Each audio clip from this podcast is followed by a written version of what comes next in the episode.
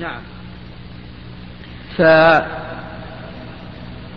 فهذا الحديث الذي معنا كما ذكرت من حيث الإسناد فيه ضعف ولكن المتن قد جاءت آه، نصوص تؤيد هذا المعنى الذي جاء في هذا المتن. نعم. نأتي إلى الحديث الآخر. نعم. باب الرجل يتب... باب الرجل يتبوأ يتبوأ لبوله. حدثنا موسى بن إسماعيل قال حدثنا حماد قال أخبرنا أبو التياح قال حدثني شيخ قال لما قدم عبد الله بن عباس البصرة فكان يحدث عن نبي موسى فكتب عبد الله إلى أبي موسى يسأله عن أشياء. فكتب إليه أبو موسى إني كنت مع رسول الله صلى الله عليه وسلم ذات يوم فأراد أن يبول فأتى دمثا في أصل جدار فبال ثم قال صلى الله عليه وسلم إذا أراد أحدكم أن يبول فليرتد لبوله. نعم أحسنت. قال أبو داود باب رجل يتبوأ لبوله قال حدثنا موسى بن إسماعيل وموسى بن إسماعيل هو أبو سلمة التبوذكي وهو ثقة مشهور. وكيف عرفنا ثقة؟ كما ذكرت بالرجوع إلى كتب الرجال فهو ثقة مشهور.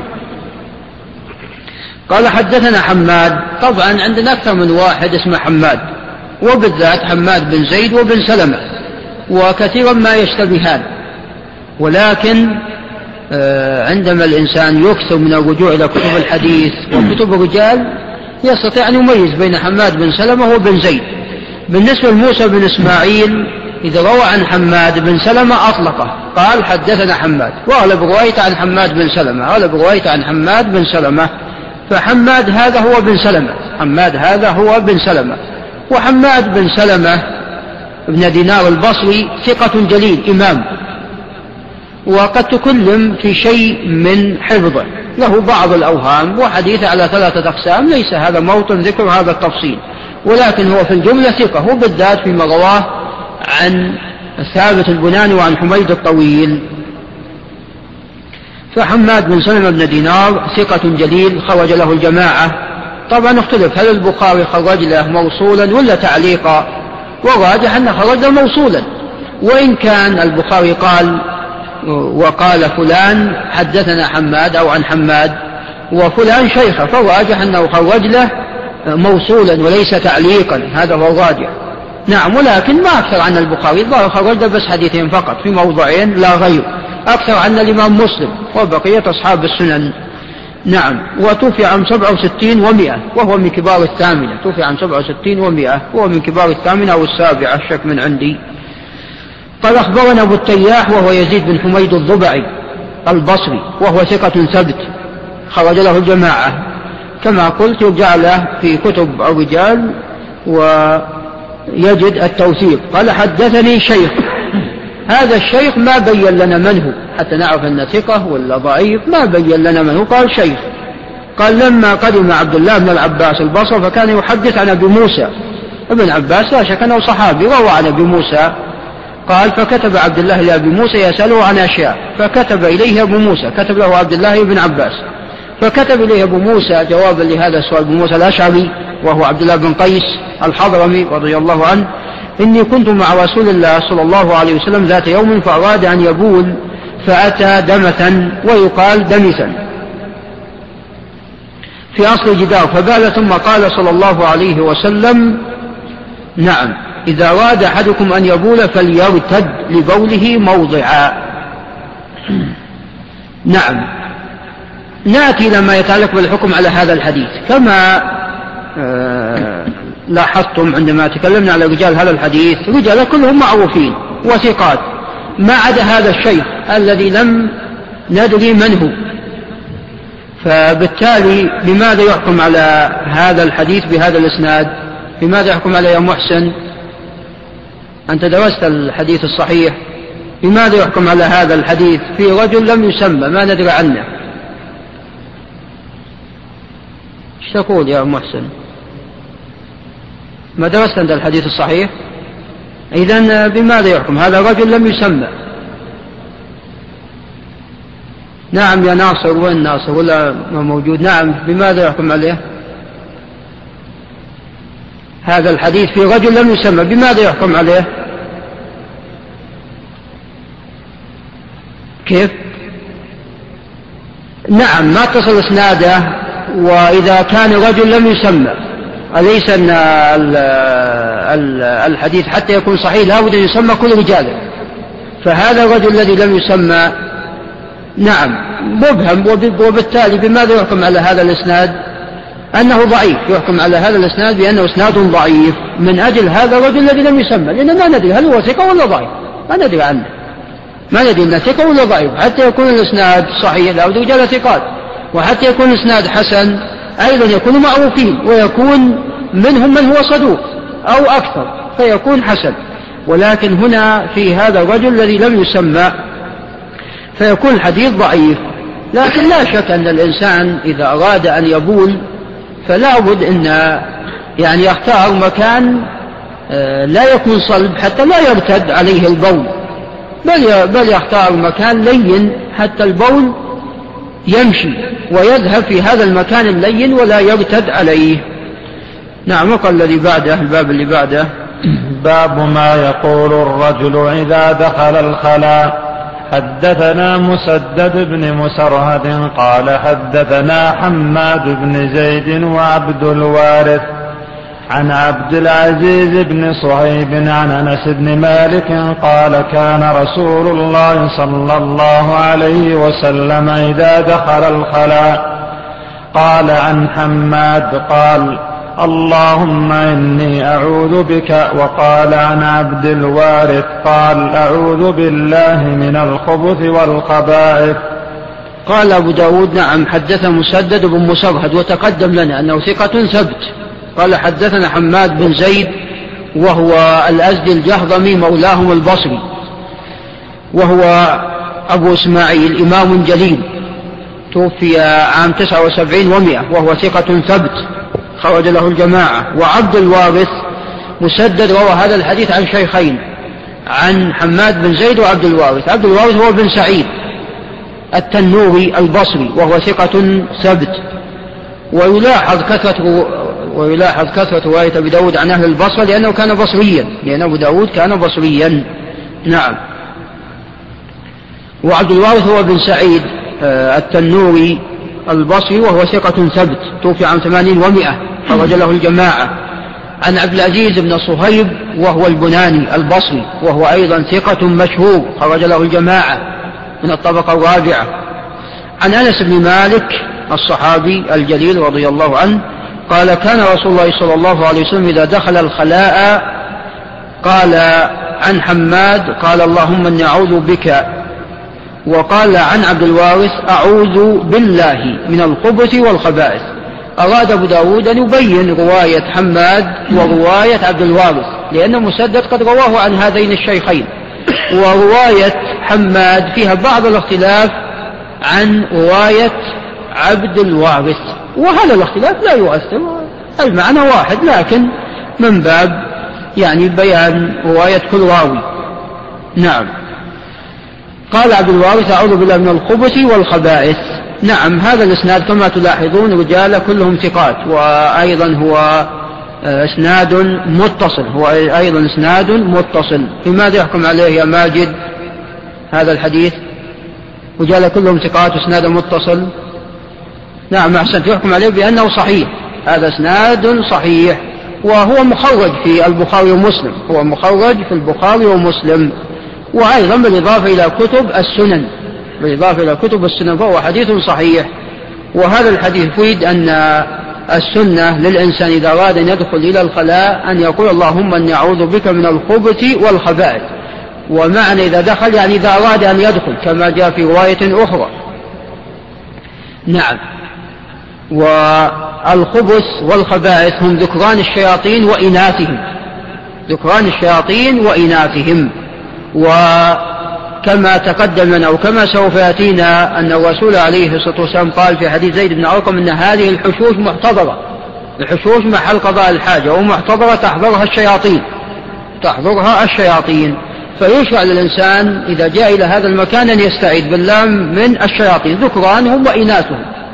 وأحيانا يقع التلبس تلبس الجن بالإنس في الحمام.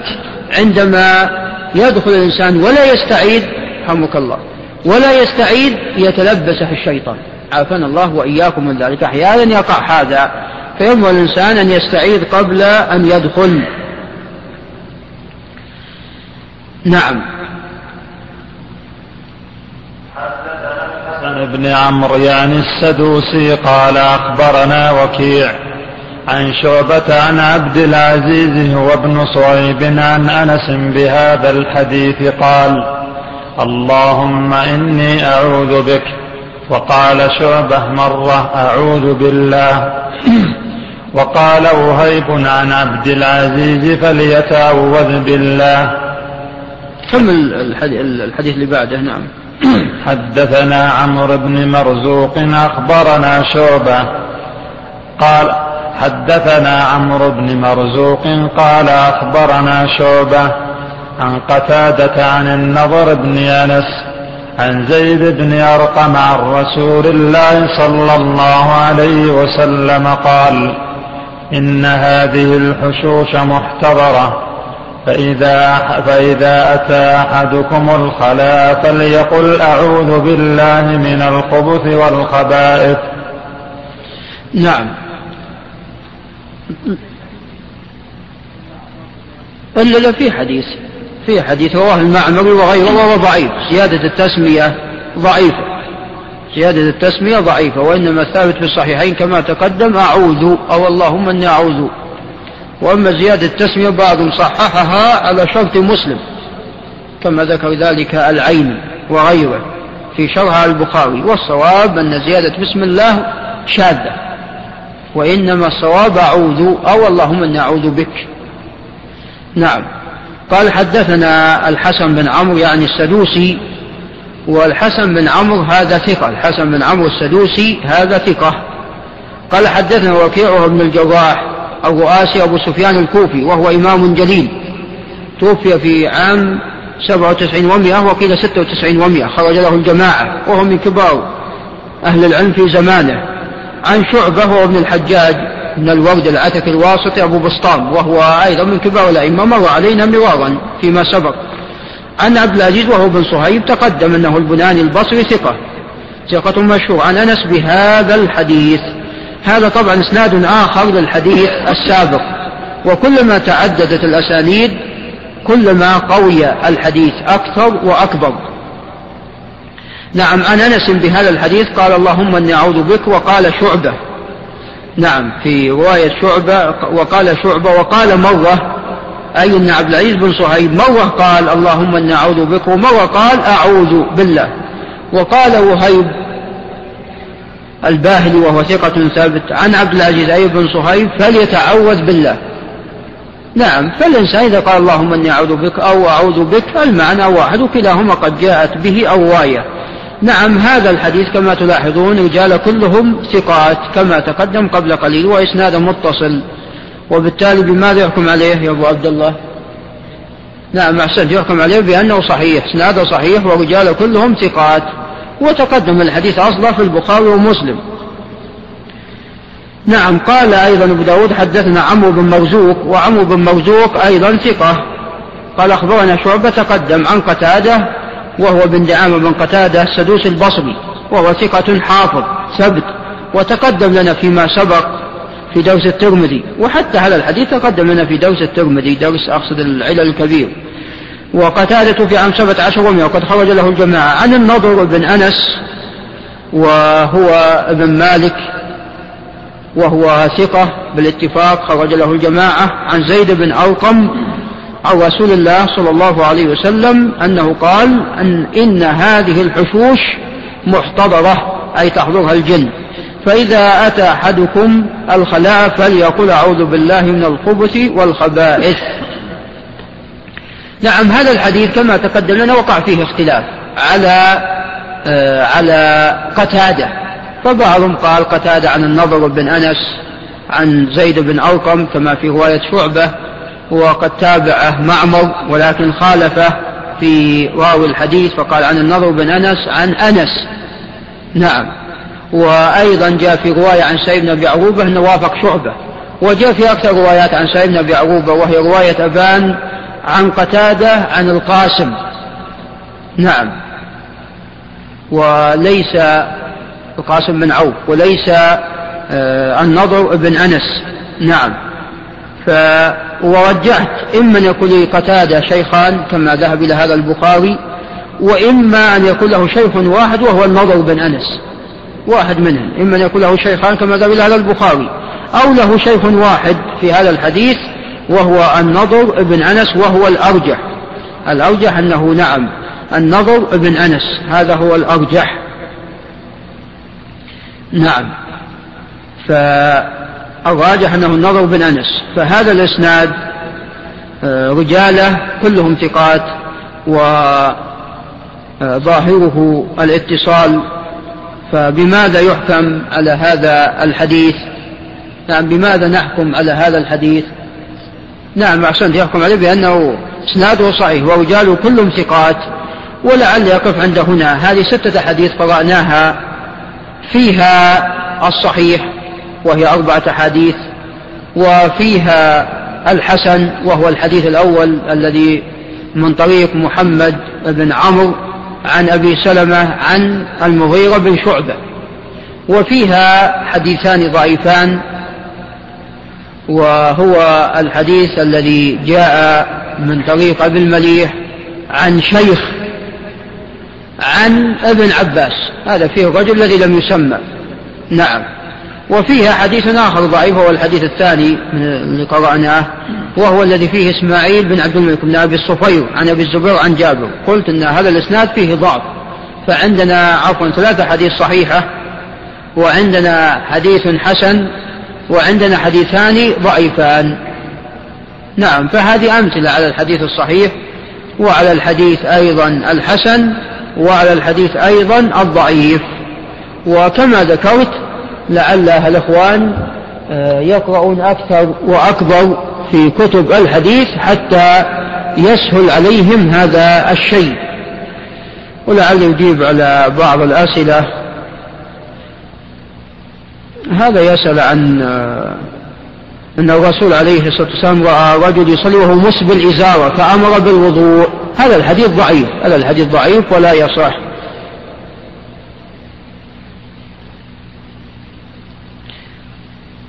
نعم وهذا سأل يسأل عن كتاب العلم الكبير الكبير التمني يقول يقول بحث عنه فلم أجده موجود إن شاء الله وهو قريب نعم. يقول كيف حكمنا على الحديث أو على حديث الطهور شطر الإيمان؟ والحمد لله تملأ الميزان بأنه حديث صحيح وهو منقطع. يعني بذلك الحديث الذي تكلمت عليه قبل أمس وهو ما جاء من حديث يحيى بن أبي كثير عن زيد بن سلام عن أبي سلام عن أبي مالك الأشعري. فهذا الحديث لا شك أنه صحيح لأن قلنا الذي بين أبي مالك الأشعري وبين بين عفوا أبو سلام وأبو مالك الأشعري بينه عبد الرحمن بن غنم وهو ثقة جليل. فبالتالي كان الإسناد صحيح بالتالي أصبح الحديث صحيح. لأن إذا علم الساقط بينهما وهو ثقة فيكون الحديث صحيح فحكمنا عليه بهذا.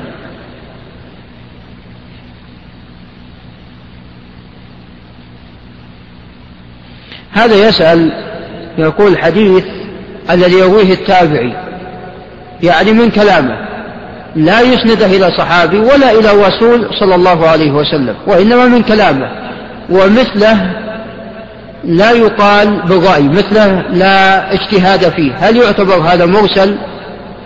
لأنكم تعلمون أن آه، الصحابي إذا قال كلاما من قبل نفسه لم يسنده إلى الرسول عليه الصلاة والسلام ولا يكون مجال للاجتهاد والرأي فيه. هذا يعتبر له حكم الرفع. هذا يعتبر له حكم الرفع. هذا يكون له حكم الرفع.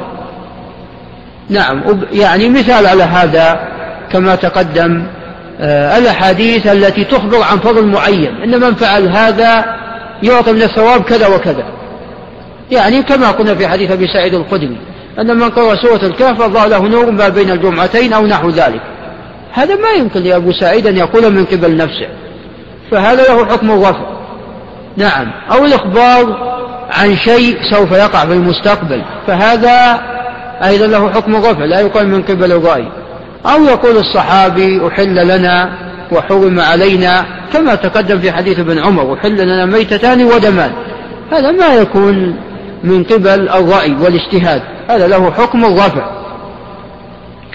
وينبغي عدم التوسع ينبغي عدم التوسع في هذا. يعني بعض آه، أهل العلم إذا رأوا شيء ما أسند الصحابي إلى الرسول عليه الصلاة والسلام يعني وفيه بيان حكم مسألة أو نحو ذلك قال له حكم الرفع. لا الصحابي له الحق أن يجتهد كما أن تجتهد بل هو أولى ولا شك الصحابي أعلم منك وشاهد التنزيل. وشاهد الوحي فهو أولى بالاجتهاد منك وأعلم وأفضل. نعم فلا ينبغي الاجتهاد لا ينبغي التوسع في مثل هذا نعم إلا يعني مثلا كما تقدم ومن ذلك في أمور في العقيدة يعني كما قال ابن عباس ثبت عنه أنه قال الكرسي موضع القدمين أي قدمي الرب عز وجل. ما يمكن أن ابن عباس يأخذ هذا من الإسرائيليات. ويثبت عقيدة لله جل وعلا بكلام أهل الكتاب الذين حرفوا وغيروا وبدلوا.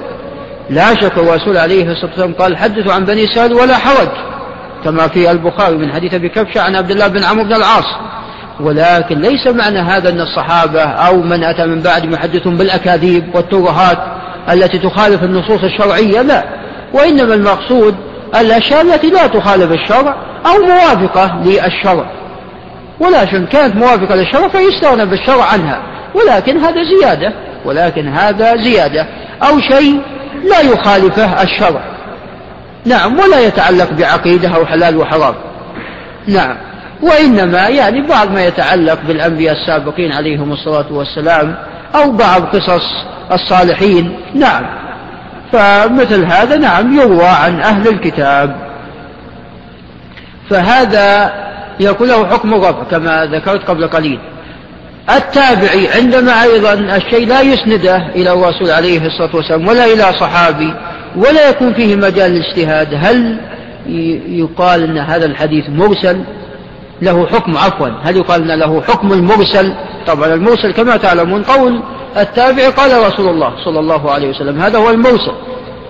فعندما التابعي يقول شيء ليس فيه مجال للاجتهاد. فهل هذا يلحق بالمرسل ويكون له حكم المرسل؟ هذا فيه خلاف. هناك من أهل العلم ممن قال بهذا. هناك من أهل العلم ممن قال بهذا الشيء. وفائدة هذا الخلاف إذا كان له حكم المرسل لا شك في فرق بين أن يكون خبر له حكم المرسل وبين أن يكون هذا الكلام هو مقطوع كلام التابعي. فالخبر له حكم المرسل وإن كان ضعيف ولكن أقوى في الاستدلال من كلام آه، التابعي الذي هو من إنشائه لا شك أنه أقوى. فهذا فائدة الخلاف. هذا يسأل يقول هل يعد ذكر ابن حبان وابن خزيمة الحديث في صحيحيهما تصحيحا مطلقا؟ نعم. ما الحديث الذي يذكره ابن خزيمة وابن حبان في صحيحيهما يعتبر صحيح عندهما. إلا إذا استثنيا طبعا ابن حبان ما يعرف أنه يستثني لكن ابن خزيمة يستثني. يقول ابن خزيمة آه إن صح الخبر. كما قال عن الحديث اللي رواه من طريق علي بن زيد بن جدعان عن سلم عن آه، سعيد بن المسيب عن سلمان أن الرسول عليه الصلاة والسلام قال أن عن رمضان أن الفريضة فيه عن سبعين فريضة والنافلة عن فريضة وأن أوله رحمة وأوسطه آه، أوله نعم رحمة وأوسطه كذا وآخره عتق من النار أو مغفرة أو نحو ذلك. حديث طويل. هذا الحديث منكر. قال طبعا ابن خزيمة إن صح الخبر. قال إن صح الخبر. تحرفت عند عند صاحب الترغيب والترهيب تحرفت في طبع من طبعات كتاب الترغيب والترهيب المنذري وصح الخبر. قال ابن خزيمة وصح الخبر. لا ابن خزيمة قال إن صح الخبر. وهو حديث منكر كما قال أبو حاتم الرازي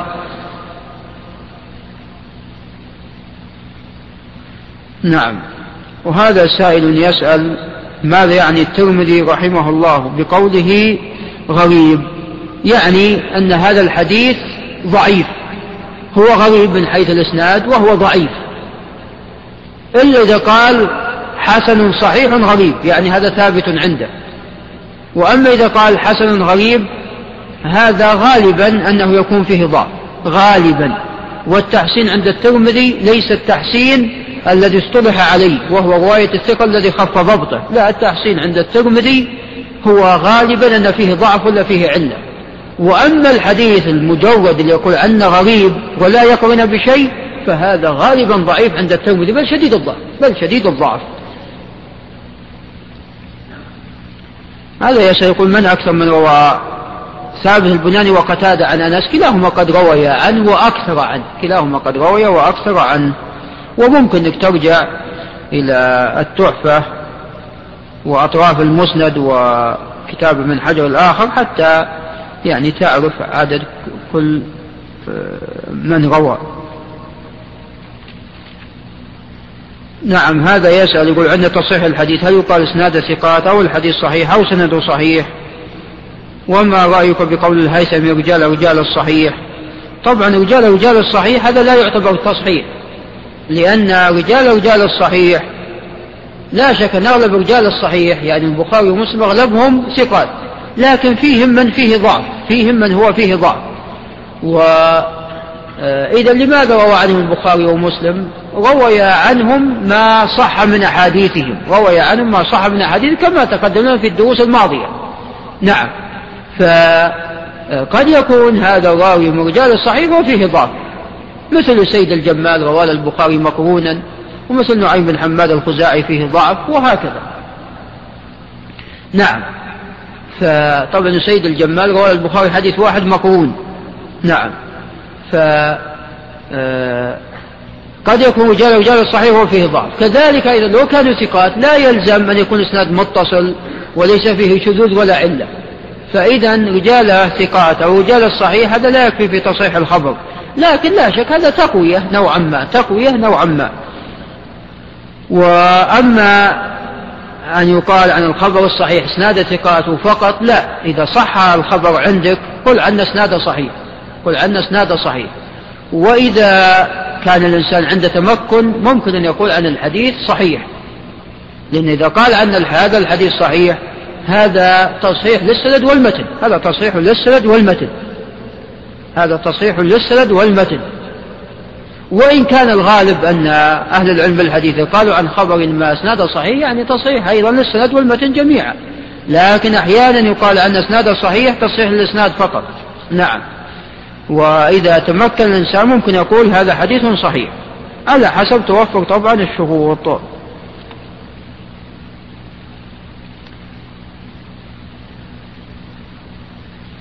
هذا يقول أن علي بن المديني يقول ربما لم يتبين لي علة حديث إلا بعد أربعين سنة فكيف يكون هذا؟ هذا الخبر لا هذا الكلام عن علي بن المديني أنا لا أعرفه. وقد يكون كما ذكر السائل قد يكون قال ابن المديني ويبدو أن السائل وقف عليه. المهم أحيانا الإنسان ما يتبين له علة الخبر إلا بعد مدة من الزمن أحيانا وإن كان قد بلغ مرحلة عالية في العلم بالحديث كعلي بن المديني أحيانا ما يتبين له الخبر إلا بعد مدة من الزمان. هذا شيء يعني موجود. هذا سائل يسأل يقول نرجو التفصيل في مسألة حكم كشف الوجه للمرأة لغير محارمها ورد على من استدل بالجواز بأدلة غير صحيحة أو صحيحة ولكنها غير صحيحة. هذا السؤال يعني يحتاج إلى وقت في الكلام عليه يحتاج إلى بعض الوقت في الكلام عليه. فأقول الصحيح أنه يجب على المرأة أن تستر وجهها. لا اللي يجيب باختصار. يجب على المرأة أن تستر وجهها ولا دل على هذا من القرآن ومن السنة النبوية. أما من القرآن الكريم فالله جل وعلا قال يا أيها النبي قل لأزواجك وبناتك ونساء المؤمنين يدنين عليهن من جلابيبهن ذلك أدنى أن يعرفن فلا يؤذين. وقد فسر ابن عباس فيما روى عن ابن أبي طلحة عن ابن عباس وإن كان هذا منقطع ولكن هذه السلسلة فيها قوة وليس هذا مجال التفصيل. فسر ابن عباس الادنى بأنه فجع عينا واحدة وثبت بإسناد صحيح من طريق ابن سيرين عن عبيد السلماني أنه فسر عبيد السلمان الإذنابي أنه أخرج عينا واحدة أيضا. وقد قال عز وجل أيضا آه، وإذا سألتموهن متاعا فسألوهن من وراء حجاب. ذلكم أطهر لقلوبكم وقلوبهن. هذه الآية وإن كان سياقها في نساء الرسول عليه الصلاة والسلام ولكنها عامة. وذلك أن الله عز وجل قال ذلكم أطهر لقلوبكم وقلوبهن. فإذا كان نساء الرسول عليه الصلاة والسلام الواجب على الصحابة إذا سألوهن أن يسألونهن من وراء حجاب من أجل طهارة قلوب الصحابة ومن أجل تطهير أيضا قلوب نساء الرسول عليه الصلاة والسلام وطهارة قلوب نساء الرسول عليه الصلاة والسلام.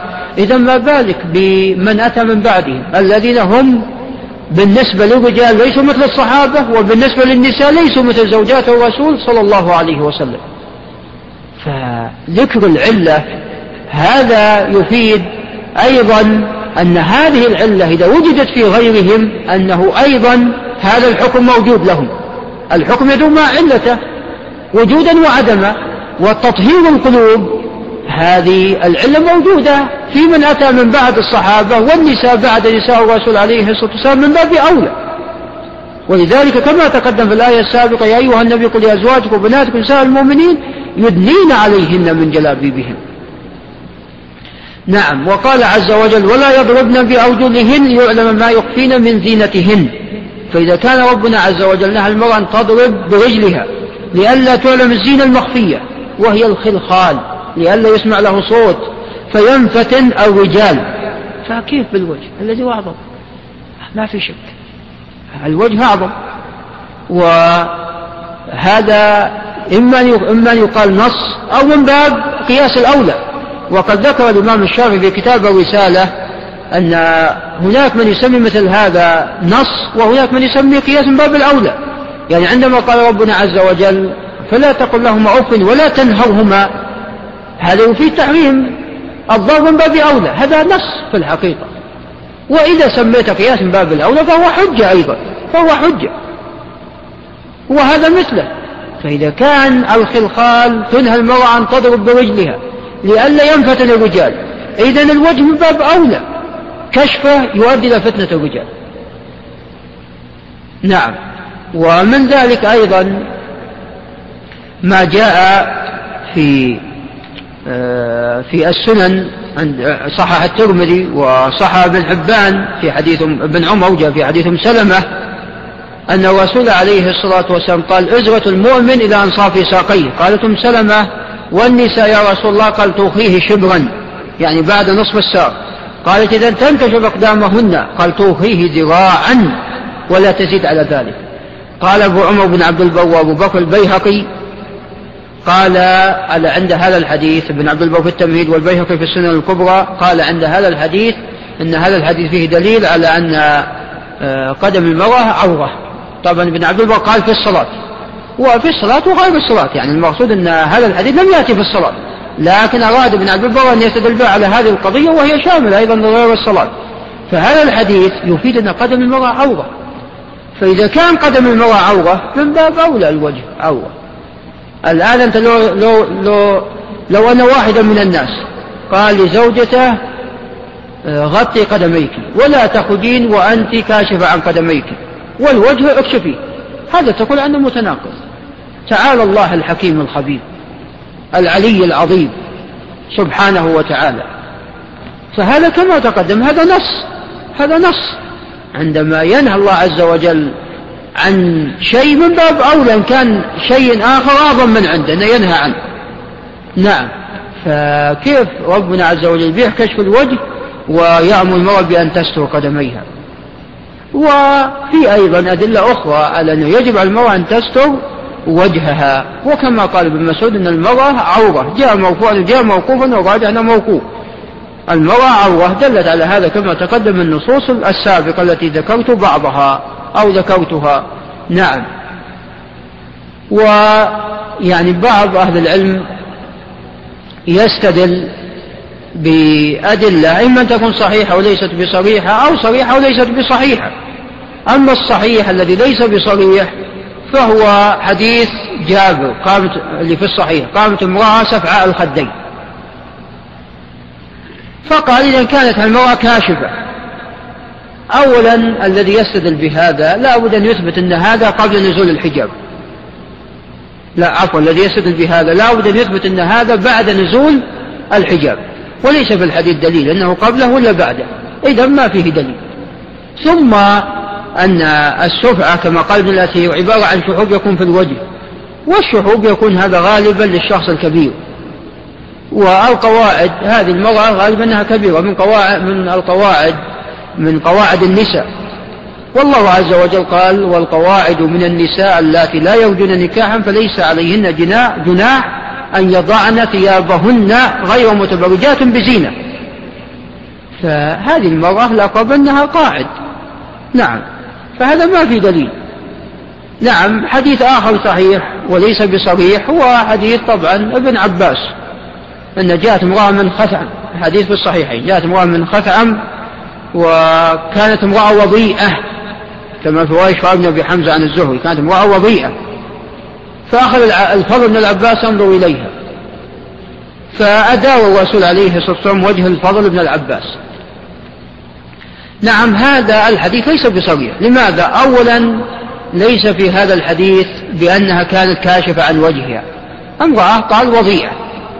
والوضاء قد يستدل عليها بشيء آخر. والإنسان كثيرا ما ينفتن بقوام المرأة وبشكلها الخارجي وإن كانت يعني لابسة العباءة أو الملاءة أو الجلباب. نعم. فليس فيه بأن كاشف عن وجهها. ثم كذلك أيضا لو كانت كاشفة عن وجهها و آه، الفضل بن العباس ومع أنه كان بجنب الرسول صلى الله عليه وسلم. ولا شك أن الإنسان إذا كان مع أهل الصلاح والخير يكون أبعد عن الفتنة. يكون أبعد عن الفتنة. فكيف هو رديف الرسول صلى الله عليه وسلم؟ ومع ذلك عندما دار شقة أخذ ينظر من الشق الآخر. فلو كانت كاشفة عن وجهها كان أمرها الرسول عليه الصلاة والسلام بأن تستر وجهها. لماذا؟ لأن أصبحت الآن تفتن الرجال. وحتى من يقول بأن المرأة يجوز لها أن تكشف عن وجهها يقول إذا فتنت الرجال يجب عليها أن تستر وجهها. وماذا بعد؟ فتنة الفضل بن العباس وهو رديف الرسول عليه الصلاة والسلام. يعني الفضل انفتن مع أنه كان رديف الرسول صلى الله عليه وسلم ويعني الرسول عليه الصلاة والسلام وين؟ يعني هيبة ومكانة عليه الصلاة والسلام. الصحابة ما كانوا يحدون النظر إليه عليه الصلاة والسلام هيبة له. ومع ذلك الفضل انفتن فما يمكن الرسول عليه الصلاة والسلام ما يمكن طبعا ليس من عندي بالنصوص. بمقاصد الشريعة ودلالة النصوص وعموم النصوص. هذه أصبحت المرأة فاتنة. ما يتركها تفتن الرجال فإذا كان الفضل وهو من هو الفضل بن العباس وعند الرسول حضرة الرسول عليه الصلاة والسلام انفتن فيها قد ينظر إليها. وأيضا جاء في رواية بأن العباس أبوه كان موجود ومع ذلك قد ينظر. وجاء في عند الترمذي هذا الحديث جاء من حديث علي بن أبي طالب رضي الله عنه ابن عم الفضل يعني أيضا أبو أبو الفضل وكبار الصحابة بن عم الفضل علي كان موجود وقبل ذلك وبعد الرسول عليه الصلاة والسلام كان موجود ومع ذلك الفضل انفتن فيها فلو كانت كاشفة كان الرسول صلى الله عليه وسلم كان أمر بأن تسر وجهها إذا واحدة إذا انتهى سؤالها من الرسول ورجعت ينظر إليها الرجال وتفتنهم. والشرع أتى بسد الفتنة. الشرع حرم أشياء لأنها تؤدي إلى الفتنة. ليست فتنة تؤدي إلى الفتنة. والأدلة على هذا كثيرة. استوفاها أهل العلم. نعم. فقد يقول قائل إذا إذا بما أنها ساترة لوجهها ومع ذلك تفتن بقوامها وما شابه ذلك كان أمرها أن لا تخرج من البيت. فأقول لا شك أن يعني الشرع آه، أتى بما آه، يبعد الناس عن الفتنة ويسد أبواب الفتن. لكن بعض الناس قد ينفتن حتى بالصوت وقد ينفتن حتى بالخيال قد ينفتن. فهل الشرع أيضا يمنع حتى الصوت؟ فالشرع لا شك أمرها بأن تستر آه، جسمها ومن ذلك الوجه والأرجح أنها ساتر الوجه كما تقدم. فخلاص فعلت الذي يجب عليها بقي الواجب على من؟ الواجب على من ينفتن بها أنه يبتعد عنها. هذا الواجب وأنه لا يراها. وهذا الذي فعله الرسول عليه الصلاة والسلام بالفضل أدار وجهه إلى الشق الآخر. هذا الذي فعله الرسول صلى الله عليه وسلم بالفضل أدار وجهه إلى الشق الآخر. نعم. وأما الأدلة الصريحة التي ليست بصحيحة فطبعا ما رواه آه، ما رواه أبو داود والبيهقي وابن عدي والبيهقي في الكبرى طبعا وفي وفي الآداب وابن مردوية كما ذكر السيوطي في الدول المنثور. كلهم من طريق الوليد بن مسلم طبعا رواية ابن مردوية لم نقف عليها لكن ذكرها البيهقي ذكرها عفوا السيوطي في الدور المنثور. وعند هؤلاء كل الحديث كل كل آه، أسانيد هؤلاء من طريق الوليد بن مسلم. عن سعيد بن بشير عن قتادة عن خالد بن دريك عن عائشة أن المرأة بلغة المحيض لا يصح أن يرى منها إلا وجهها وكفيها نعم. فهذا الحديث معلول بسبعة علل ولا يصح أبدا.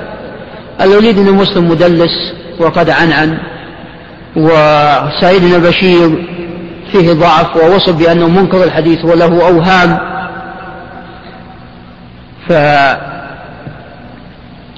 ومن أوهامه هذا الحديث كما سوف يأتي. وقد تفرد بهذا عن قتادة وقد خولف سوف يأتي ذكر من خالفه عن قتادة وقتادة موصوف بالتدليس وقد عنعن وخالد بن دريك تفرد بهذا عن عائشة وشرحت هذا فيما سبق وسابعا لم يسمع خالد بن دريك من عائشة كما قال أبو داود وأبو حاتم فهذه سبعة علل. كلها تعل الحديث.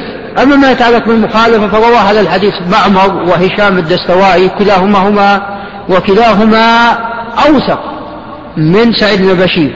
روي هذا الحديث عن قتادة مرسلا. روي هذا الحديث عن قتادة مرسلا. فالصواب أن هذا مرسل. وها ومراسيل قتادة ضعيفة لأنه من صغار التابعين. مراسيل قتادة ضعيفة. فهذا الحديث حديث ضعيف ولا يصح. وجاء طريق آخر عند البيهقي من حديث أسماء بنت عميس وهو أيضا لا يصح وهو أيضا معلول بعدة علل ولا يصح. وفي علة أخرى علة ثانية في حديث عائشة رضي الله عنها وقد ذكرها الشيخ عبد العزيز بن باز رحمه الله وهذه العلة تدل عليها الأدلة الأخرى وهي كما ذكرت أن الصحابة ما كانوا يحدون النظر إلى الرسول عليه الصلاة والسلام هيبة له واحتراما له. فكيف تأتي أسماء وهي بثياب رقاق وتدخل على الرسول عليه الصلاة والسلام؟ وهي كاشفة بثياب رقاق وكاشفة عن وجهها عفوا وهي غير ساترة يعني لشعرها بما أنها يعني الرسول صلى الله عليه وسلم أن تستر جميع الجسم ما عدا الوجه والكفين كما جاء في هذا الحديث الضعيف طبعا. فإن فيعني هذا كاشف أكثر. فكيف تدخل على الرسول عليه الصلاة والسلام وهي بهذه الصفة؟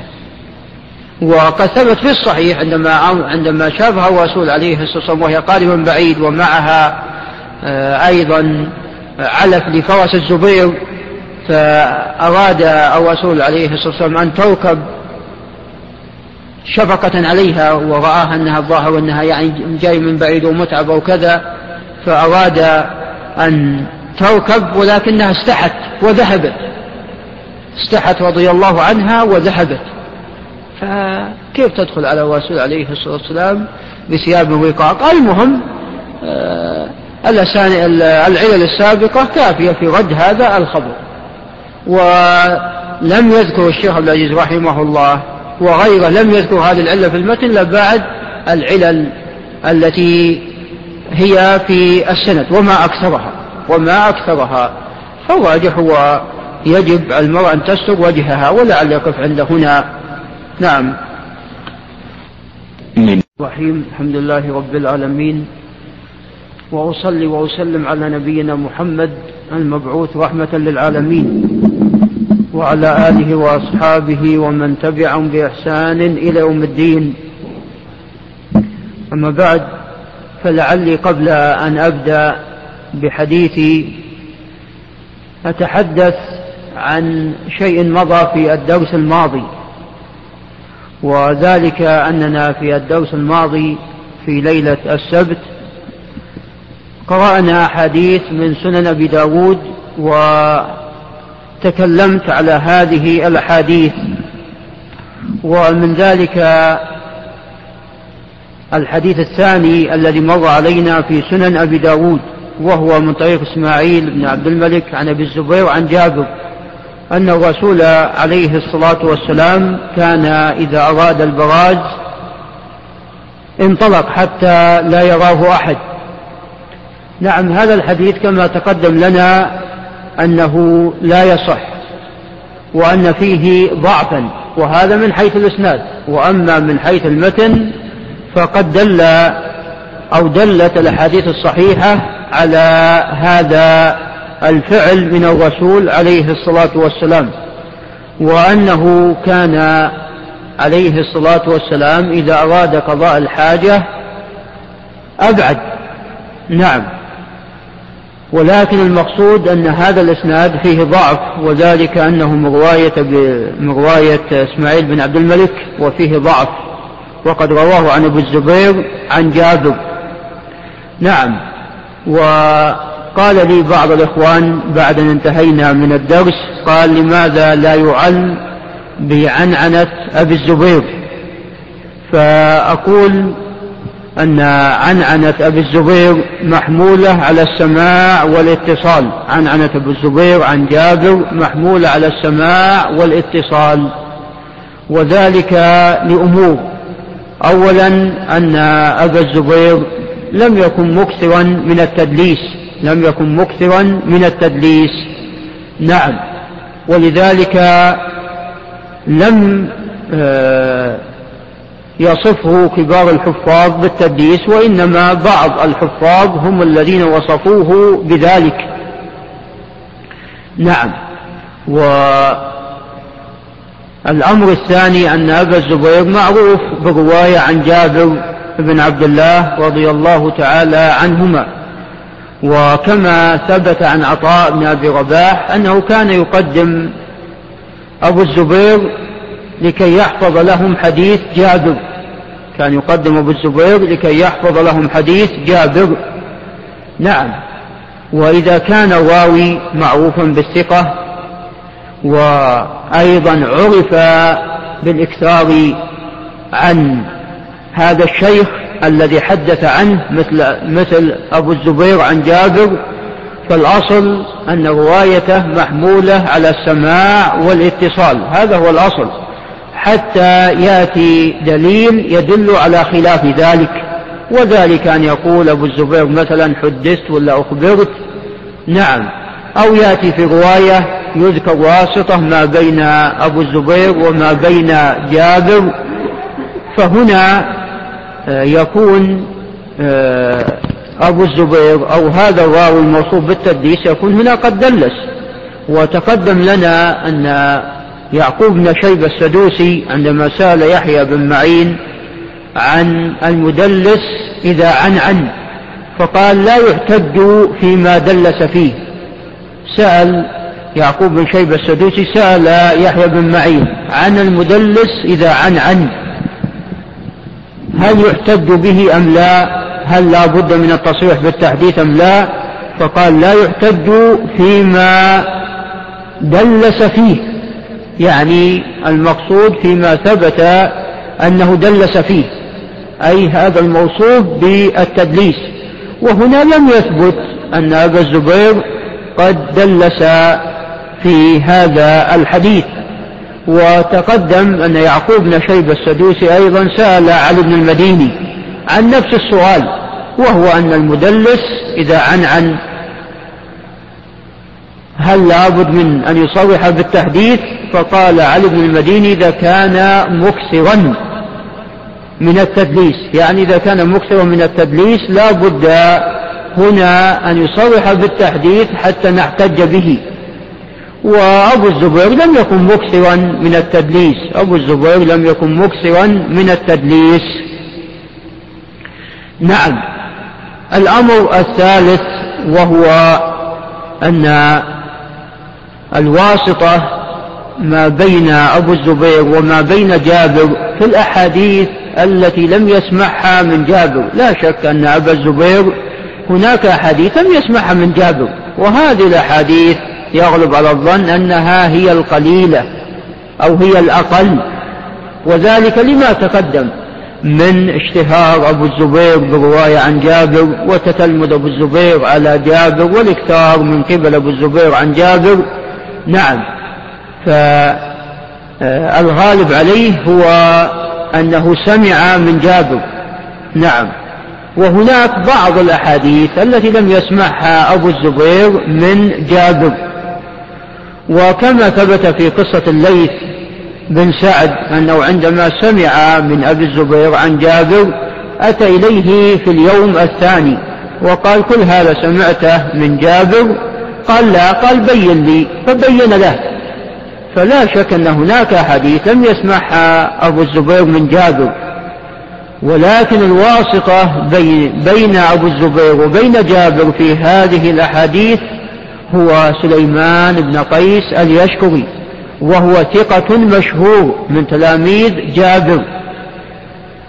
والدليل على أن الواسطة بينهم وسليمان بن قيس أن أبا حاتم الرازي في الجرح والتعديل قال أن فلان وفلان وعد منهم أبو الزبير أنهم أخذوا حديث آه، جابر من زوجة سليمان بن قيس اليشكري أنه أخذوا صحيفة سليمان بن قيس اليشكري التي كتبها عن جابر أخذوها من زوجته أخذوها من زوجته. وسليمان بن قيس اليشكري ثقة وأخذوا هذه الصحيفة من زوجته. نعم فإذا علمت الواسطة وكانت ثقة فهنا لا لا تؤثر هذه العنعنة. وهذا مثل رواية حميد الطويل عن أنس. حميد الطويل الغالب أنه سمع من أنس وهناك أحاديث لم يسمعها من أنس وإنما سمعها من ثابت بن أسلم البناني.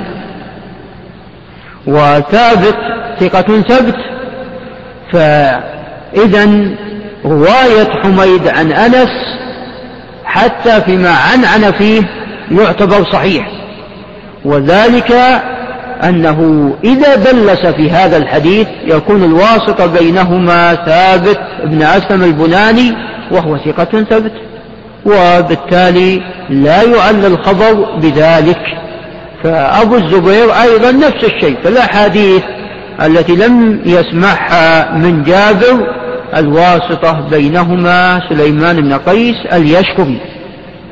فإذا لا يعل الخلاصة لا يعل الحديث بعنعنة جابر عفوا لا يعل الحديث بعنعنة أبو الزبير. لا يعل الحديث بعنعنة أبي الزبير. نعم هذا ما أردت أن ننبه عليه وذلك أنه كما ذكرت بالأمس قد مر علينا ولم نتحدث عن هذا. نعم وأما فيما يتعلق في مقام هذا فلعلي أتحدث عن الغريب كما وعدت الأخوان فيما سبق.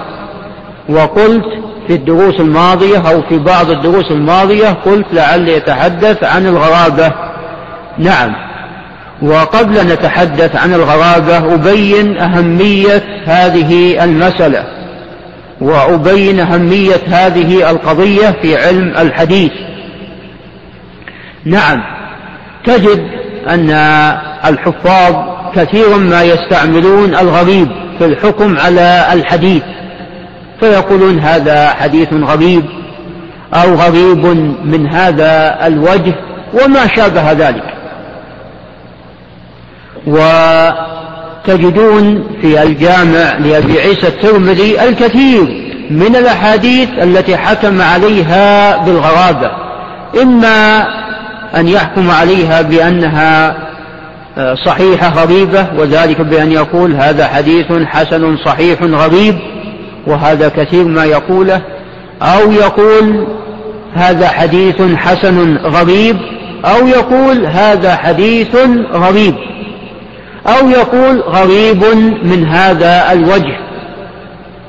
فتجدون في الجامع لأبي عيسى الترمذي الكثير والكثير من الأحاديث التي حكم عليها بالغرابة إما مع الصحة وإما مع الحسن يعني يقول صحيح غريب أو حسن غريب وإما أن يقول هذا حديث غريب فقط بدون أن يقرن ذلك بالصحة أو بالحسن.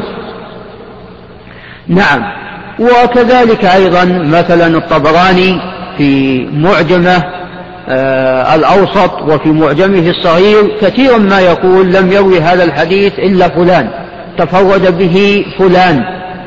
أو مثلا أبو بكر البزار كثيرا أيضا ما يقول في كتابه المسند تفرد بهذا الحديث فلان لا نعرف هذا الحديث إلا من طريق فلان أو لا يعرف هذا الحديث إلا من هذا الوجه. فالحفاظ أكثر من الحكم على الأحاديث بالغرابة. فلا بد أن يعرف ما المقصود بالغريب. وأيضا مما يدل على أهمية الغريب أن أهل العلم قد حذروا أيضا من الغريب فمثلا روى الخطيب البغدادي في كتابه الكفاية عن إبراهيم النخعي أنه قال كانوا يكرهون غريب الكلام وغريب الحديث. وذكر ذلك أيضا أبو داود عن إبراهيم النخعي في رسالته لأهل مكة ولكنه لم يسند هذا عن إبراهيم النخعي بخلاف الخطيب البغدادي فإنه أسند ذلك عن إبراهيم النخعي. نعم.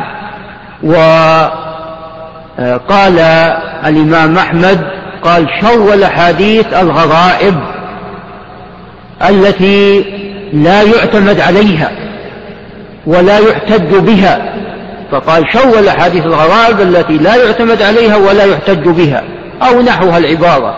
وقال أيضا الإمام أحمد قال لا تكتبوا هذه الأحاديث الغرائب فإن عامتها مناكير. فإن عامتها مناكير وعن الضعفاء. نعم. وقال أبو داود في رسالته لأهل مكة قال أن الغالب على حديث كتاب السنن أنها مشاهير. ثم قال والفخر بها أنها مشاهير. قال والفخر بها أنها مشاهير. فإنه لا يحتج بالحديث الغريب وإن كان قد رواه مالك أو يحيى بن سعيد ويعني بيحيى بن سعيد القطان لأنه قرنه مع مالك. ولا يعني به يحيى بن سعيد الأنصاري لأنه في طبقة شيوخ مالك. قال فإن الحديث الغريب لا يحتج به وإن كان قد رواه مالك أو يحيى بن سعيد أو غيرهم من أئمة الثقات. وإذا وجدت من يحتج بالغريب فإنه يطعن عليه ولا يطعن بأحد احتج بحديث مشهور متصل صحيح. نعم. وقال أيضا الإمام أحمد رحمه الله قال إذا سمعت أهل الحديث يقولون هذا حديث غريب أو فائدة فاعلم أنه خطأ أو دخل حديث في حديث أو إسناد في إسناد إما قال دخل حديث في حديث أو إسناد في إسناد أو خطأ من هذا المحدث.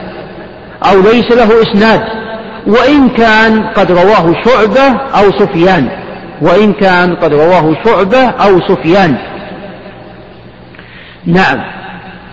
فإذا هؤلاء الأئمة قد حذروا من الأحاديث الغريبة ولذلك من ألف في المصطلح تكلموا عن الغريب من الحاكم ومن كذلك أيضا الخطيب البغدادي وقبلهم أبو عبد الله بن منده نعم وغيرهم من أهل العلم. وتلاحظون في هذه الأوقات المتأخرة تجدون نادرا من يشتغل بالحديث ويحكم على الحديث بأنه غريب. هذا أنا شيء لا أعرفه عند من تأخر إلا فيما ندوا. يعني إما يقولون هذا حديث صحيح أو حديث حسن أو حديث ضعيف ولا نسمع أنهم يتحدثون عن الغريب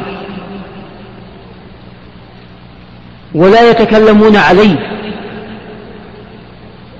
مع أن الغريب له دخل في صحة الحديث وضعفه كما ذكرت قبل قليل قبل كما ذكرت قبل قليل له دخل في صحة الحديث وضعفه كما ذكرت قبل قليل. وكما ذكرت فيما سبق أن الترمذي عندما يقول عن حديث ما بأنه حديث غريب هذا ضعيف بل شديد الضعف. إذا قال أطلق هذا حديث غريب يكون هذا الحديث شديد الضعف. وكما تقدم أن الإمام أحمد قال شر الحديث الغرائب التي لا يحتج بها ولا يعتمد عليها نعم. وكما تقدم في كلام تلميذه أبو داود أن الحديث الغريب حتى لو كان رواه آه، مالك ويحيى بن سعيد تجد أن هناك من يطعن على من احتج بهذا الحديث الغريب وأن أبا داود افتخر بأن آه، كتابه السنن الغالب ما فيه أنه من الأحاديث المشهورة وقال هذا هو الفخر بأنها آه، أكثرها من الأحاديث المشهورة فأقول أن الغريب لا شك له دخل كبير في صحة الحديث وفي ضعفه له دخل في الحكم الحديث تصحيحا وتضعيفا. ومع ذلك لا نجد عند من تأخر أنهم يحكمون الحديث بالغرابة إلا ما ندوا. وهذا من الأمور التي يتميز بها مذهب المتقدمين عن المتأخرين أو مذهب من تقدم عن من تأخر.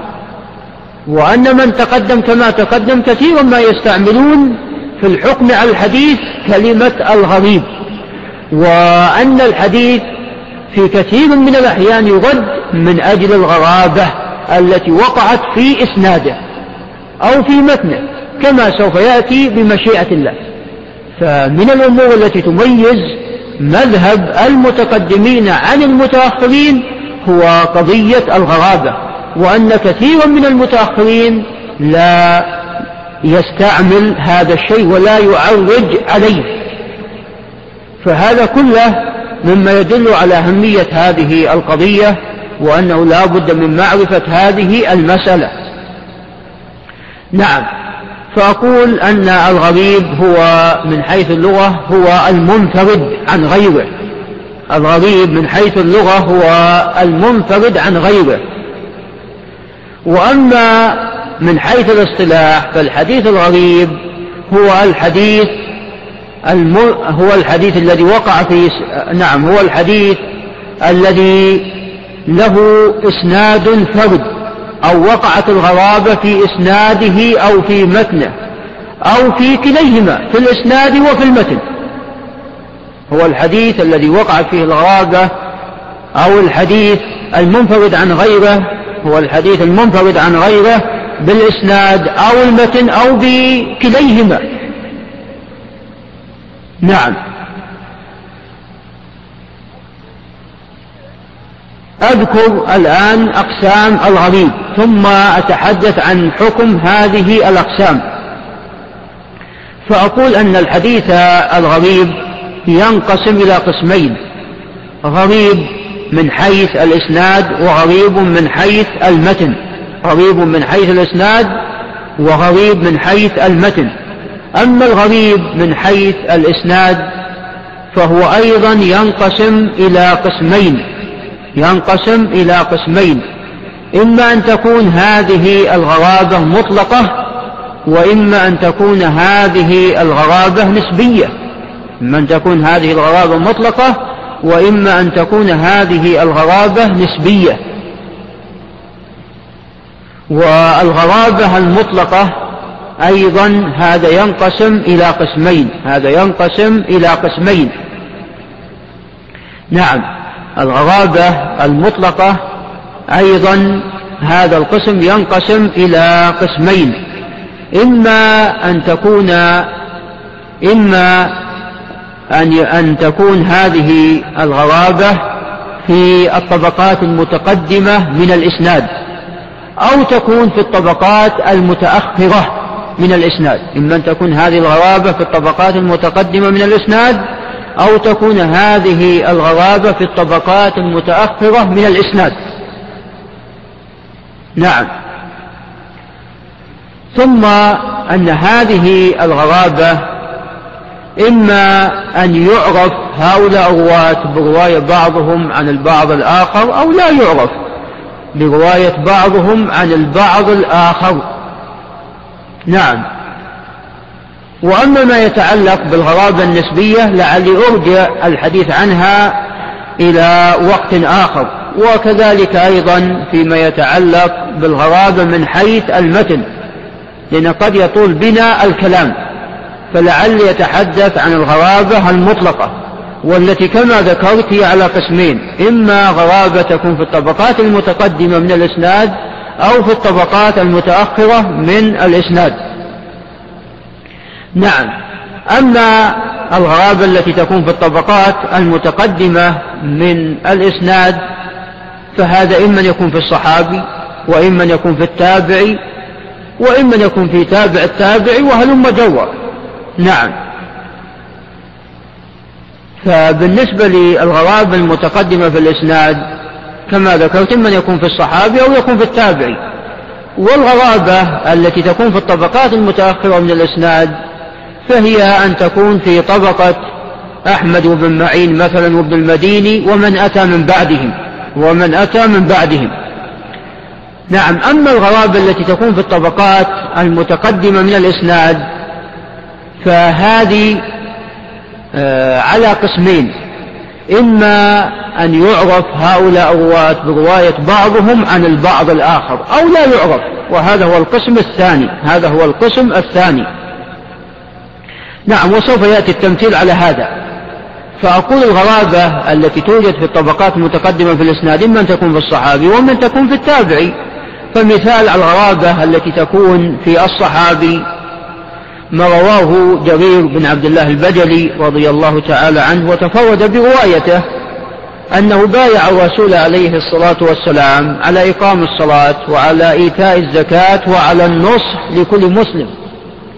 هذا الحديث تفرد بروايته من الصحابة جرير بن عبد الله البجلي رضي الله تعالى عنه. وإن جاء طبعا أحاديث في النصيحة وفي الأمر بالمعروف والنهي عن المنكر فيما يتعلق بالصلاة والزكاة إلى غير ذلك كما هو معلوم. لكن هذا اللفظ بهذا السياق تفرد به جرير بن عبد الله البجلي رضي الله تعالى عنه من الصحابة. وقد رواه عن جرير جمع من التابعين. منهم قيس بن أبي حازم كما في الصحيحين. خرج البخاري ومسلم هذا الحديث من طريق قيس بن أبي حازم عن جرير بن عبد الله البجلي ومنهم زياد بن علاقة أيضا روايته في الصحيحين عن جرير بن عبد الله البجلي ومنهم عامر بن شواحيل الشعبي وروايته في الصحيحين عن آه، جرير بن عبد الله البجلي وقد رواه أيضا غيرهم في خارج الصحيحين منهم أبو وائل ومنهم كذلك عبد الله بن عميرة وغيرهم ممن روى هذا الحديث عن جرير بن عبد الله البجلي فهذا مثال الحديث الذي آه، تفرد برواية صحابي عن باقي الصحابة. وهذا كثير. الحديث الذي يتفرد يتفرد به صحابي أو تابعي هذا كثير. هذا كثير. نعم. وهذا لا شك لا يعني إذا إذا صح الإسناد إلى الصحابي فيكون الحديث صحيح إذا صح الإسناد إلى الصحابي فيكون الحديث صحيح وهذا إجماع بين أهل الحديث هذا إجماع بين أهل الحديث إذا صح الإسناد إلى الصحابي فلا شك أن هذا الحديث يكون صحيحا لكن لا شك أن الحديث الذي يرويه اثنين وثلاثة وأربعة أو خمسة وهكذا من الصحابة عن الرسول صلى الله عليه وسلم يكون أصح وأصح. فمثلا حديث أن الرسول عليه الصلاة والسلام قال من كذب عليه متعمدا فليتبوأ مقعد من النار. هذا كما تعلمون رواه جمع كثير وكبير.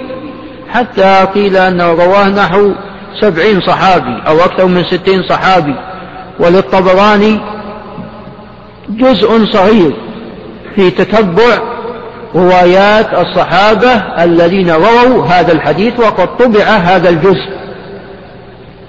نعم فأقول أن الحديث الذي تفرد به الصحابي هذا كثير والإسناد إذا صح إلى الصحابي يكون الحديث صحيح وهذا إجماع ما فيه خلاف بين أهل العلم إلا شيء جاء عن الحاكم فيما يتعلق بطريقة البخاري ومسلم في رواية الحديث. نعم. فذكر الحاكم أن الشيخين يشترطون أن يكون الحديث قد رواه اثنان لكن الحاكم أخطأ في هذا. ونفس الحاكم ذكر أن البخاري ومسلم قد رووا عن جمع من الصحابة ولم يروي عنهم إلا الواحد من التابعين لم يروي عنهم إلا الواحد من التابعين. نعم. وإن كان هذا الذي ذكره الحاكم لا, يتع... لا ينطبق تماما على الذي ذكرت قبل قليل. فأقول أن الحديث إذا صح الإسناد إلى الصحابي وإن كان لم يروه إلا صحابي واحد فهذا لا شك صحيح بالإجماع. مثال الحديث الذي يرويه التابعي ويتفرد به. مثال الحديث أريد أن أمثل الآن على الحديث الذي يرويه التابعي ويتفرد به. الحديث نعم مثال على ذلك ما رواه عبد الله بن دينار عن عبد الله بن عمر. أن الرسول عليه الصلاة والسلام نهى عن بيع الولاء وعن هبته. نهى عن بيع عن بيع الولاء وعن هبته. هذا الحديث تفرد به عبد الله بن دينار من باقي أصحاب عبد الله بن عمر. وحتى قال الإمام مسلم في صحيحه عندما خرج هذا الحديث قال الناس عيال على عبد الله بن دينار في هذا الحديث. وعندما روى هذا الحديث الترمذي من طريق عبد الله بن دينار عن عبد الله بن عمر قال لا نعرفه إلا من حديث عبد الله بن دينار عن عبد الله بن عمر. نعم وأيضا ذكر آه، أن عبد الله بن دينار تفرد به عن عبد الله بن عمر غيرهم من أهل العلم. نعم وهذا الحديث قد خرجه الشيخان. هذا الحديث قد خرجه الشيخان. نعم وقد تكلم فيه الإمام أحمد. تكلم في هذا الحديث الإمام أحمد. وقال أن الذي يعرف عن عبد الله بن عمر من رواية نافع عن عبد الله بن عمر هو غير هذا. ليس هو هذا اللفظ. هو ليس هو هذا اللفظ. نعم. وقد جاء عن نافع عن ابن عمر. هذا اللفظ موقوفا عليه. فقال فيما رواه نافع عن عبد الله بن عمر أنه قال نهى عن بيع الولاء وعن هبته. أن عبد الله بن عمر نهى عن بيع الولاء وعن هبته. نعم. فهذا الحديث قد تفرد به عبد الله بن دينار عن عبد الله بن عمر مرفوعا. وجاء من حديث نافع موقوفا على عبد الله بن دينار. وقد تكلم فيه الإمام أحمد.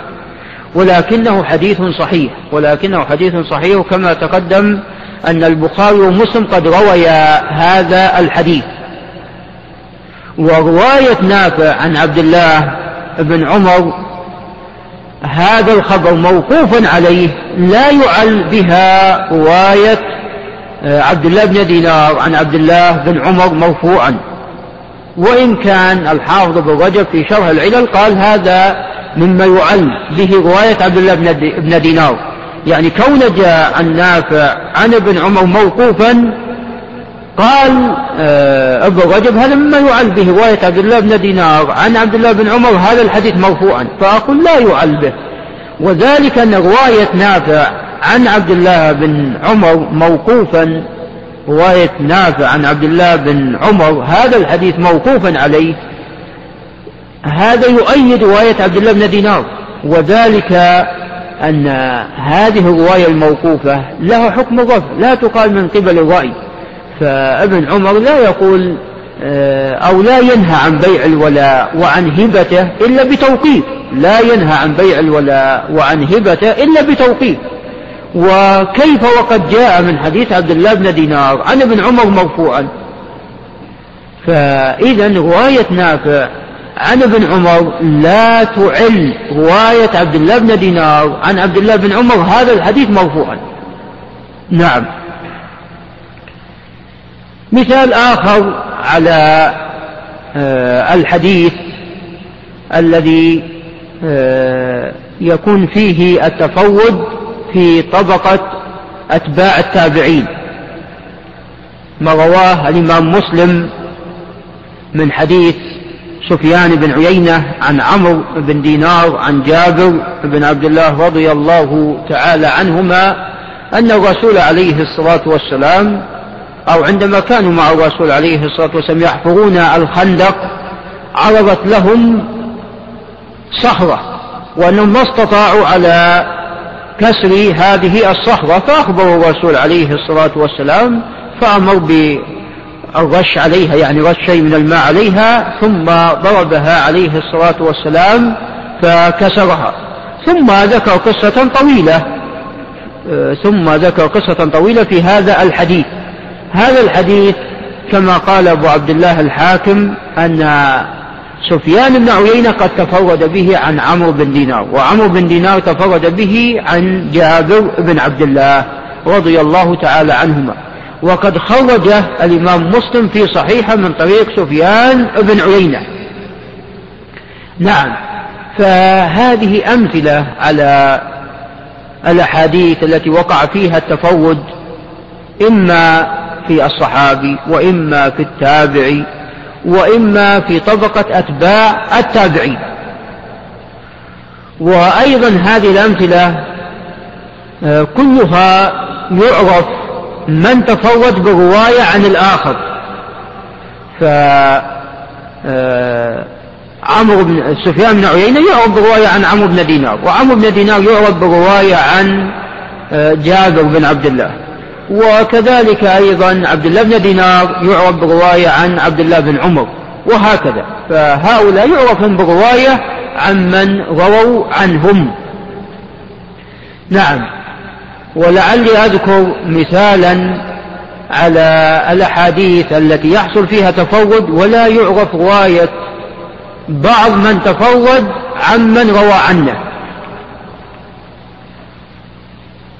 مثال على هذا ما رواه وهذا المثال قد ذكرت بالأمس ما رواه الوليد بن مسلم عن سعيد بن بشير عن قتادة عن خالد بن دريك عن عائشة. أن الرسول عليه الصلاة والسلام قال إن المرأة إذا بلغت المحيض لا يصح أن يرى منها إلا وجهه وكفيه هذا الحديث كما ذكرت بالأمس قتادة لا يعرف برواية عن خالد بن دريك.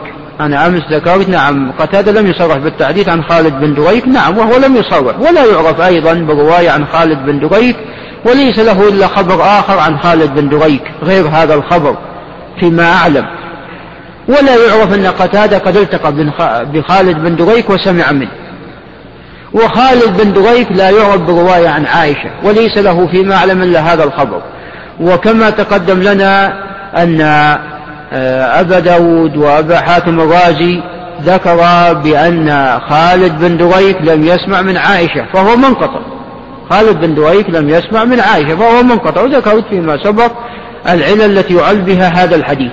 فقتادة لا يعرف برواية عن خالد بن دريك وخالد بن دريك لا يعرف برواية عن عائشة ولم يسمع منها. فهذا الحديث حديث منكر ولا يصح هذا الحديث حديث منكر ولا يصح وفيه علل أخرى كما ذكرت وطبعا سعيد بن بشير يعرف برواية عن قتادة ولكنه ضعيف سعيد بن بشير. والوليد بن مسلم أيضا يروي عن سعيد بن بشير ولكنه لم يصرح بالتحديث. نعم. ولكن أردت أن نستشهد على رواية قتادة عن خالد بن دويك وهو لا يعرف برواية عنه ورواية خالد بن دويك عن عائشة وهو لا يعرف برواية عنها. فهذا الحديث حديث منكر ولا يصح. هذا الحديث حديث منكر ولا يصح. والشاهد الذي رواه البيهقي أيضا هو الشاهد الذي رواه البيهقي لهذا الحديث هو كذلك أيضا لا يصح. نعم. نعم وأذكر مثالا آخر على التفوض الذي يكون في الطبقات المتأخرة. أذكر مثالا هذا التفوض في الطبقات المتقدمة نوعا ما. أذكر مثالا على التفرد الذي يكون في الطبقات المتأخرة. وسوف يأتي بمشيئة الله أن التفرد الذي يكون في الطبقات المتأخرة هذا الغالب أنه لا يصح. الغالب أنه لا يصح. بخلاف الطبقات المتقدمة فإن فيه تفصيل سوف يأتي بمشيئة الله. مثال على التفرد الذي يكون في الطبقات المتأخرة ما رواه قتيبة بن سعيد عن الليث بن سعد عن يزيد بن أبي حبيب عن أبي الطفيل عن جابر عفوا عن أبي الطفيل عن معاذ بن جبل عن أبي الطفيل عن معاذ بن جبل رضي الله تعالى عنه أن الرسول عليه الصلاة والسلام في غزوة تبوك كان إذا دخل وقت الظهر قبل أن يرتحل جمع جمع تقديم قدم العصر وجمعها مع الظهر جمع تقديم ثم ارتحل. وإذا ارتحل قبل دخول وقت الظهر أخر الظهر إلى العصر وجمع جمع تأخير وجمع جمع تأخير. وإذا ارتحل قبل أن يدخل عليه المغرب أخر المغرب إلى العشاء وجمع جمع تأخير. وإذا دخل عليه المغرب قبل أن يرتحل قدم العشاء وجمع جمع تقديم قدم العشاء وجمع جمع تقديم. نعم هذا الحديث تفرد به قتيبة بن سعيد عن الليل. وقد ضعفه الحفاظ. فحتى قال الحاكم هذا حديث موضوع. وقتيبة بن سعيد ثقة مأمون. قال الحاكم في معرفة علوم الحديث هذا حديث موضوع وقتيبة بن سعيد ثقة مأمون.